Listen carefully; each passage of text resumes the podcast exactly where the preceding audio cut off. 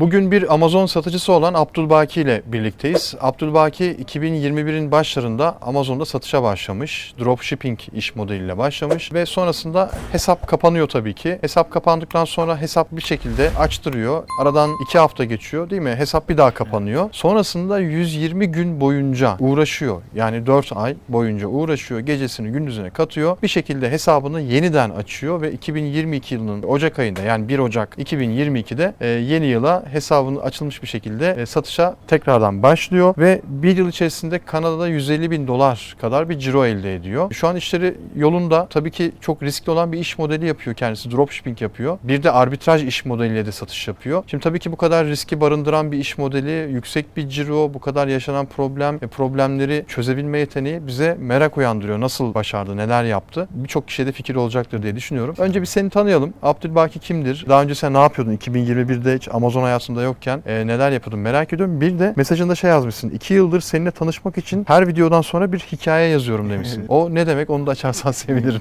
Şimdi abi şöyle ben 2019'da başladım Amazon. Yani 2019'da araştırmaya başladım ben Amazon'u. E, 2019'da araştırırken böyle bir şeyim yoktu açıkçası. Adım atayım, işte başlayayım, ilerleyeyim gibi bir düşüncem yoktu. Sadece merakımdan bakıyordum böyle. Daha sonrasında ben bunu e, bayağı bir araştırdım. Senin videolarını çok izledim. Yani bir nevi bana orada yol gösterdin aslında. Daha sonrasında ben 2021 yılında tekrardan Amazon'a bir niyetlendim ve burada başlamaya karar verdim. 2021 yılında başladığımda Amazon'da daha çok ilk etapta tabii ki de ilk önce Türkiye'de şirket kurdum. E, o zamanlar açılış suspendi vardı Amazon'da ve ben bundan biraz korkuyordum açıkçası. İlk de Türkiye'de şirket kurdum. Şirketi Türkiye üzerinden Amazon Kuzey Amerika hesabını açtım Kanada'da. E, burada tabii ki de hiçbir bilgim yoktu. Hani bodoslama girdim ben bu işe. Girerken de e, tabii arka planda da sürekli kendimi geliştirmek için YouTube'dan videolar izliyordum. E, daha sonrasında ben e, Amazon satıcı hesabımı açtım. İşte yazılımları bağladık, ayarlarını yaptık ve yaptıktan iki gün sonra benim mağazama Buybox geldi. Dördüncü günde ben ilk siparişimi aldım. Biz bu siparişi aldım ama benim çok fazla hani ne kadar video izlesem de orada bir bilgim yok. Ben burada işte yazılımdaki kişilerle görüştüm. Bana yardımcı olur musunuz Ha, diye. sen yazılımla dropshipping yapıyordun aslında. Aynen yazılımda dropshipping yapıyordum. Ee, onlar bana yardımcı oldu. İlk siparişimi göndermedi işte iadelerde falan sağ olsunlar. Daha sonrasında ben anladım bu işin olacağını ve dedim ki ben biraz kendime yatırım yapacağım burada. Ee, bir eğitim aldım. Eğitimde kendime bir tık ileriye atmak içindi bu açıkçası. Ürün aramaları yaparken benim hesabım Fair Price oldu. Şimdi Fair Price Suspend'de Kanada'da o zaman yeni yeni türemiş ve ben bunu hiç bilmiyordum yeni bir Amazon satıcısı olarak. Fair price bilmeyenler için söyleyeyim. Fiyatı piyasa koşullarına göre çok yüksek ya da çok Aynen. düşük olan ürünlere Amazon diyor ki bu kadar pahalı ya da bu kadar ucuz satamazsın deyip ya hesabı kapatıyor ya ürünü satışa kapatıyor. Sizin hesabı kapatmış. Benim hesabı kapattı. Şundan kaynaklı oldu. Benim elimde Ka- Meksika yükleyeceğim, pardon, e, Kanada'ya yükleyeceğim bir asin listesi vardı. Ben bunu yanlışlıkla gittim Meksika pazarını yükledim. Ve iki ülke arasındaki kur farkından dolayı benim hesabım o gün kapandı. Yani Meksika'da 10 tane sipariş aldım bir anda. Hepsi zarar. Ardından kapanma maili geldi bana. Şimdi ben böyle olunca elimde hani hiçbir data yok, bir bilgi yok, bir şey yok. İşte eğitim aldığım kişiyle görüştüm. O bana bir appeal örneği attı ve biz ilk savunmamızı gönderdik. Gönderdikten sonra baktım cevap gelmiyor Amazon'da. Ben bu savunmayı Kuzey Amerika, Kanada ve Meksika üçünü aynı anda attım ve case açtım. Case'de de destekliyorum. Hani yanlışlıkla oldu, sorunu belirtmeye aslında e, orada odaklandım. Daha sonrasında benim iki gün sonra falan hesabım açıldı. Ben burada tekrardan Kanada'da işbaşı yaptım tekrardan. Daha sonrasında burada iki hafta gibi bir süre boyunca işte Kanada'da ürün yüklüyorum. Sipariş gelmesini bekliyorum. Ve bir günde yaklaşık 3000 dolar Kanada doları ciro yaptım ben. Yani şimdi böyle yaparken de bir yandan da sermayem de kısıtlıydı. O zaman çok cüzi bir miktarla girmiştim. Yani burada biz sermaye arttırımı yaptık. Yaptık. Ben siparişleri depoya çekiyorum. Ara depo kullanıyorduk o zaman. İkinci fair'den sonra ara depoya yöneldim. Normalde hep global gönderiyorduk ürünleri. Ara depo yöneldim. Ara depoda tam ürünlerin işte maliyetini ödeyeceğim. Müşteriye gidecek ürün. Benim o sabah benim hesabım kapandı. Baktığımda arka planda aslında ikinci bir fair price suspend olmuş. İlk de bana 3 asin dediler buna. Sonra ben tabii yine araştırdım ve e, fair price suspend olduğumu öğrendim. İlkini açtığım için içimde bir umut vardı. Çünkü çok orada da hani arka planda Amazon'la ne kadar yeni başlasam da savunma yazmayı bir nevi ilerletmiştim kendimde. Ve e, ben burada aslında ikinci Fair Price'dan sonra daha da inandım bunu açacağıma. Araştırdım sürekli. Forumlarda gezdim. Seller forumlarda. İşte Amazon'un kendi sayfalarında gezdim. Seller Üniversitesi'yi biraz belki bilgi verir diye oralardan izledim sürekli. Daha sonrasında bu işin faturasız olmayacağını söylediler bize. Ve ben bir araştırmaya girdim. Burada e, yurt dışında bir bağlantı kurdum. E, yurt dışında kurmuş olduğum bağlantıyla o kişi bana fatura kesti Türkiye'de. Ve ben bu faturayla Amazon'a savunma yaptım. Sahte bir fatura mı gerçek fatura mı? Yani onların kestiğine dediğine göre değil. Gerçek fatura. Aynen gerçek fatura kesildi. Yani bize söyledikleri şey şu. Amazon bu tedarikçiyi aradığında istediği kadar arasın doğrulama yapabilir. Ben de bu kendilerine güvendim çünkü elimde başka bir seçenek yoktu. Ve ben bu savunmalarla Amazon'a arka planda yeniden bir savunma yazmaya başladım. İşte ilk başta hani drop yaptığımı anlattım ama sonradan ben iş akışını değiştirdim. Hani elimde faturalar var. İşte ben faturalarımı size gönderiyorum. Lütfen hesabımı açın gibi ataklarda bulundum Amazon'a. Amazon sürekli reddetti. E, reddettikçe benim aslında biraz motivasyonum düştü ve ben o zaman Talku'yla tanıştım. Talku'dan Amazon'u arattırabildiğimi, konuşaca- konuşabildiğimi öğrendim. Ve ben orada İngilizcem de hiç yok bu arada. Gittim Google Translate'i açtım. E, söyleyeceklerimi önüme koydum ve bağlandıktan sonra e, Amazon ekibine ben derdimi söyledim ama onun dediklerini ben anlamadım hiçbir şekilde. yani ben söyledim ama derdimi. Karşının bana ne dediğini ben bilmiyorum.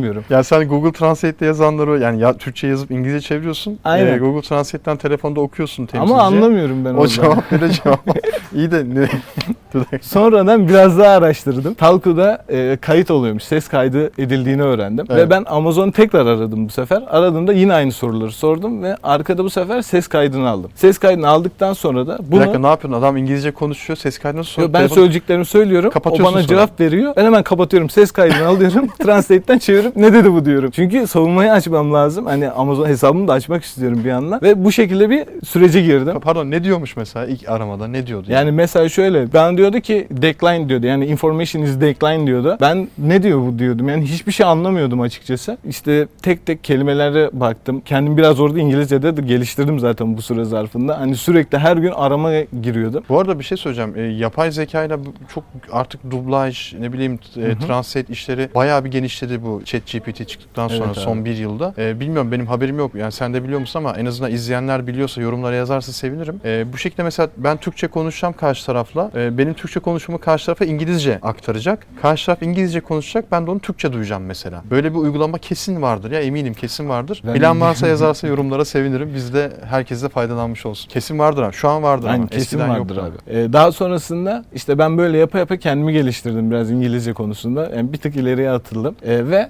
ben artık e, umudumu kesmiştim. 90 94 95. günde ben hala e, Amazon'u sürekli arıyorum aynı şekilde. Soruyorum işte tekrardan appeal yazıyorum. Yaklaşık 30-35 tane ben appeal yazdım. Böyle sayfalarca ama. Yani işi gücü bırakıp ben bu hesabı açacağım diye kafaya koydum. İnat etmişsin ama bayağı. Abi ya. benim takıntı hale geldi yol abi bir süre sonra. Harbiden takıntı hale geldi. Ve ben bunu açacağım dedim. Daha sonrasında sürekli işte savunma gönderdim, gönderdim, gönderdim. En sonunda 95. günde pes etme noktasına geldim. 90 günden sonra fon talebinde bulunabiliyor. Hem de o fon talebinden de içerideki paramı alacaktım ben. Birisi bana dedi ki bir daha savunma yaz dedi. Hani hemen 90 gün dolduktan sonra savunmayı gönderme dedi. Biraz daha üstele Amazon senin arka planda açtığını görsün. Yani çabaladığını görsün. Belki hesabını aktif eder dedi. Mantıklı geldi. Denemekten fayda olmaz dedim. Ben bu sefer biraz daha süreci uzattım. Ve ortalama 100. günde baktım cevap yok. Hala olumsuz. Dedim ben para talebini alacağım. Para talebi için mail gönderdim. İşte onlar benden bir bilgiler istediler. O bilgiye yine aynı savunmayı yazdım. Amazon'a her zaman nasıl savunma yaptıysam aynı savunmayı yazdım. Ve ben burada aynı bilgilerle birlikte fon talebini de gönderdim. Baktım iki gün sonra paramı bıraktı Amazon. Sonra bekliyorum. Yani hiçbir umudum yok. O, o sırada da diğer pazar yerlerine artık kaydım. Yani Arap Emirlikleri'nde de satış yapıyordum bir yandan da. Ve dedim hani tamam artık Kanada'dan ümidi kestim ben. Son bir kez daha appeal atayım. Ondan sonra bırakacağım ben. Ben appeal attım abi. iki gün sonra 31 Aralık'ta 30 ya da 31 Aralık'ta ben bir uyandım sabah hesap aktif olmuş. Bir farklı oldu onun sevinci. Tabii canım olmaz mı? Yani kadar uğraşmışsın yani. Peki hesap açıldıktan sonra şimdi suspend olmak Sebebi neydi? Dropshipping yapmakta aslında. Ee, yani dropshipping çok riskli bir iş modeli. Şu an tabii ki son bir yılda 150 bin dolar Kanada'da ciro yapmış, e, yaptım ve kar marjım %15 ile %20 arasında değişiyor demişsin. Ee, yine aynen devam değil mi? Yani Aynen dropshipping devam yapıyorsun. Korkmuyor musun peki? Yok. Niye? Yani abi ben Amazon'da bu fair price suspend'i beni bir tık ileriye attı aslında. Yani ben Amazon'da yani tamam suspend'ler var, açılmayacaklar da var ama o kadar da korkulacak bir iş modeli olduğunu düşünmüyorum. Çünkü yani arka planda benim yaşadığım o 120 gün boyunca beni bir tık ileriye attı. Yani Amazon'a nasıl savunma yazmam gerektiğini öğretti, neler istediğini öğretti. Amazon'un bizlerden beklentisi ne olduğunu öğretti. Ha, şu anda hesabım kapalı mı? Evet kapalı bir tane hesabım var benim. O 150 bin dolar yaptığım cirolu hesap kapalı. Ama bu da Code of Conduct'tan yani Ocak ayında herkese attığı furyada benim hesabım da gitti. E, açıldı. Sonra ben o hesapta bir daha drop denedim mesela. Orada tekrar kapattı ve ben ondan sonra o hesabı komple ümidi kestim. E, o süre zarfında gittim yeni hesaplar açtım ve bu hesapları da full ara depo modeliyle Kanada'da şu anda tekrardan başladım satışa ve devam ediyorum orada. Sadece dropshipping mi arbitraj yapıyor musun? Arbitraj yani şöyle benim toplamda 4 mağazam var. Ee, üçünde drop yapıyorum. Bir tanesinde online arbitraj yapıyorum. Hangisi daha çok kazandırıyor? Yani benim gözümde drop abi ya. Dropshipping daha Aynen. çok kazandırıyor. Yani online arbitrajda yeniyim öyle diyeyim. Benim bir arkadaşım vasıtasıyla ben başladım. Ee, Yiğit o da zorladı yani bayağı zorladı. İşte arbitraja gir, arbitraja gir. Drop bir yerden kapanıyor. Hani oradan da bir gelirin olsun diye. Öyle olunca ben bir yola girdim ve bu yolda da onunla birlikte ilerledik. Şimdi 150 bin dolar cironun karşılığı yani yüzde işte 15 yüzde 20 kar ediyorsan eğer aşağı yukarı 100 bin doların üzerinde neredeyse senin bir fonlaman gereken para var. Yani Evet. ürün alacaksın 100 bin dolara müşteriye yollayacaksın. Hı hı. Amazon sana 150 bin dolar e, ödedi. Sen elde ettin 30 bin dolar falan kar. 30-35 bin dolar bir yılda. Şimdi çok büyük bir para değil gibi geliyor ama şimdi şöyle büyük bir para gibi yani büyük para gibi gelen kısmı şu. Ben bu kadar parayı öncesinde fonlayıp Amazon'dan Amazon'a dropshipping yapıyorsun sonuçta. Amerika'dan alıyorsun, Kanada'ya satıyorsun. Parayı bağladım. Ya Amazon hesabı kapatırsa ya yine 120 gün bunun peşine koşarsam. E ne olacak? Param orada bloke kaldı. Büyük para nakit. Sırf %15, %20 kazanacağım diye 100 bin dolar oraya bağlanır mı? Çok akıl kârı gibi gelmiyor bana. Bilmiyorum. Çok açık konuştum. Yok abi haklısın. Yani riskli, riskli bir iş modeli. Ama hani ben riski minimumze ediyorum. Yani mesela ben bu işe yatırım yaptığımda dedim ki en fazla ne olabilir hesabı? Tamam kapatılabilir. Para gider ya. Yani para gidebilir, kapatılabilir. Ama bunun bir çözümü illaki vardır dedi. Ve bunu uğraşmak, yani bu arka planda uğraşıyoruz zaten bunu. Bizim bir e, ekibimiz de var, yani firmamız da var, SEO danışmanlık diye. Biz burada aslında insanlara hizmet verirken arka planda kendimizi de geliştirdik. Yani hem appeal konusunda olsun, hem Amazon'un ne istediği konusunda orada kendimizi geliştirdiğimiz için ben şu anda mesela yönettiğim mağazalarda var, kendi mağazalarım da var. Hiçbirinden korkmuyorum şu anda. Yani Ama mesela o 150 bin dolar ciro yapan mağaza kapandı. Ümidi kestim diyorsun örnek veriyorum. Yani sonuçta ümidi kesilecek durumlarda olabiliyor. Tabii abi Olmuyor olabilir. değil. Hiç olmayacak diye bir şey yok. Bunu işte tabii ki de risk var. Ben risk yok demiyorum ama hani bu riski minimize edip o şekilde ilerlemek sağlıklı. Ama şey değil mi ya? Ya ben mi yanlış düşünüyorum? Hani ben birçok e, bu konuda konuştuğum insana da hep aynı şeyi söylüyorum. Belki izleyenler de çok alışmıştır bu söylediklerime ama yani riski minimize etmenin yolu aslında kendi markanı satmak değil midir Amazon'da? Kesinlikle abi. Daha Zaten bu karlı. işin sonu öyle. Herkes dropla başlıyor, arbitraja kayıyor, sonra private label'a gidiyor. Yani en sonunda private label'la sonlandırılıyorlar. E çünkü niye %15, %20 para kazanıyorsun? Diyelim ki hadi 100, 150 bin dolar ciro hani 1 milyonu oldu bu ciro diyelim. Daha kolay, kolay hesaplansın 1 milyon diyeyim. 1 milyon dolar ciro yap- e, yaptın. E sen 1 milyon dolardan %15 kazanacaksın, 150 bin dolar kazanacaksın diye 850 bin doları çok büyük bir para Tabii 850 bin doları bağlıyorsun oraya. Kredi kartını limitlerini artık nasıl harcıyorsan yapıyorsan her şeyi oraya bağlıyorsun. Amazon seni kapatsa hadi 6 ay bir bloke etti diyelim ki 6 ay sonra açtı. E, nasıl dönecek o şirket? Yani ödemeler, o paranın geri ödemesi var ki sonuçta Amazon'a dropshipping yapanlar kredi kartı kullanıyor. Evet abi. E, kredi kartı her ay başı para ister senden. E, en, en azından asgari ödeder, ödeyemezsin, faiz bindirir. Aa, zaten %15 kazanacağız bir de kredi kartının faizine mi vereceğim, ona mı vereceğim, buna mı vereceğim derken sen 6 aylık suspend'de dükkanı kapatırsın aslında. Ya abi orası öyle zaten. Bu işte tabii ki de suspend riski var ama hani dediğim gibi ben korkmuyorum açıkçası. ya. Kumar oynasak daha iyi gibi geliyor bana. ya. Vallahi bak. Ya en azından hani şimdi kumara teşvik gibi olmasın tabii ama